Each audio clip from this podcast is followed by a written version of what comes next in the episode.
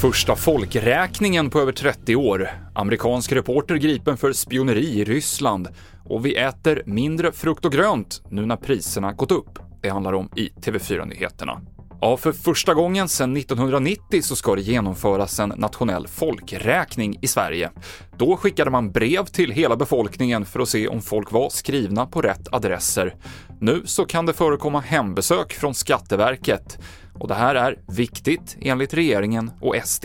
Människor lever i Sverige illegalt i parallella strukturer och inte minst i det som brukar kallas för skuggsamhället. Det riskerar naturligtvis att ytterligare splittra, segregera samhället långsiktigt.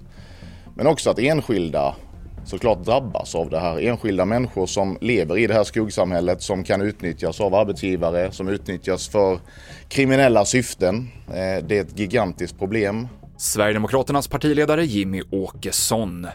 En journalist på tidningen Wall Street Journal har blivit gripen i Ryssland, rapporterar flera medier. Enligt den ryska säkerhetstjänsten FSB så är han misstänkt för spioneri för USAs räkning. Evan Gershkovich är den första amerikanska reportern som blir gripen för spioneri i Ryssland sedan kalla kriget. Turkiets parlament kommer att rösta om Finlands NATO-medlemskap idag.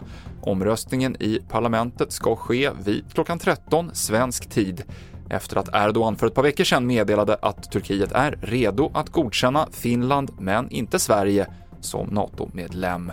Turkiet är det enda landet som inte har godkänt Finland efter att Ungern, som inte heller godkänt Sverige, röstade ja i måndags. Och höjda priser gör att vi drar ner på bland annat grönsaker, frukt, mjukt bröd, fisk och kött.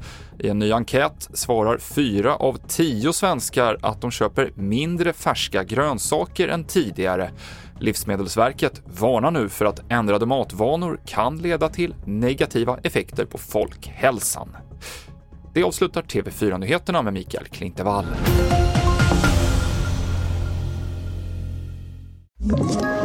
Ett poddtips från Podplay.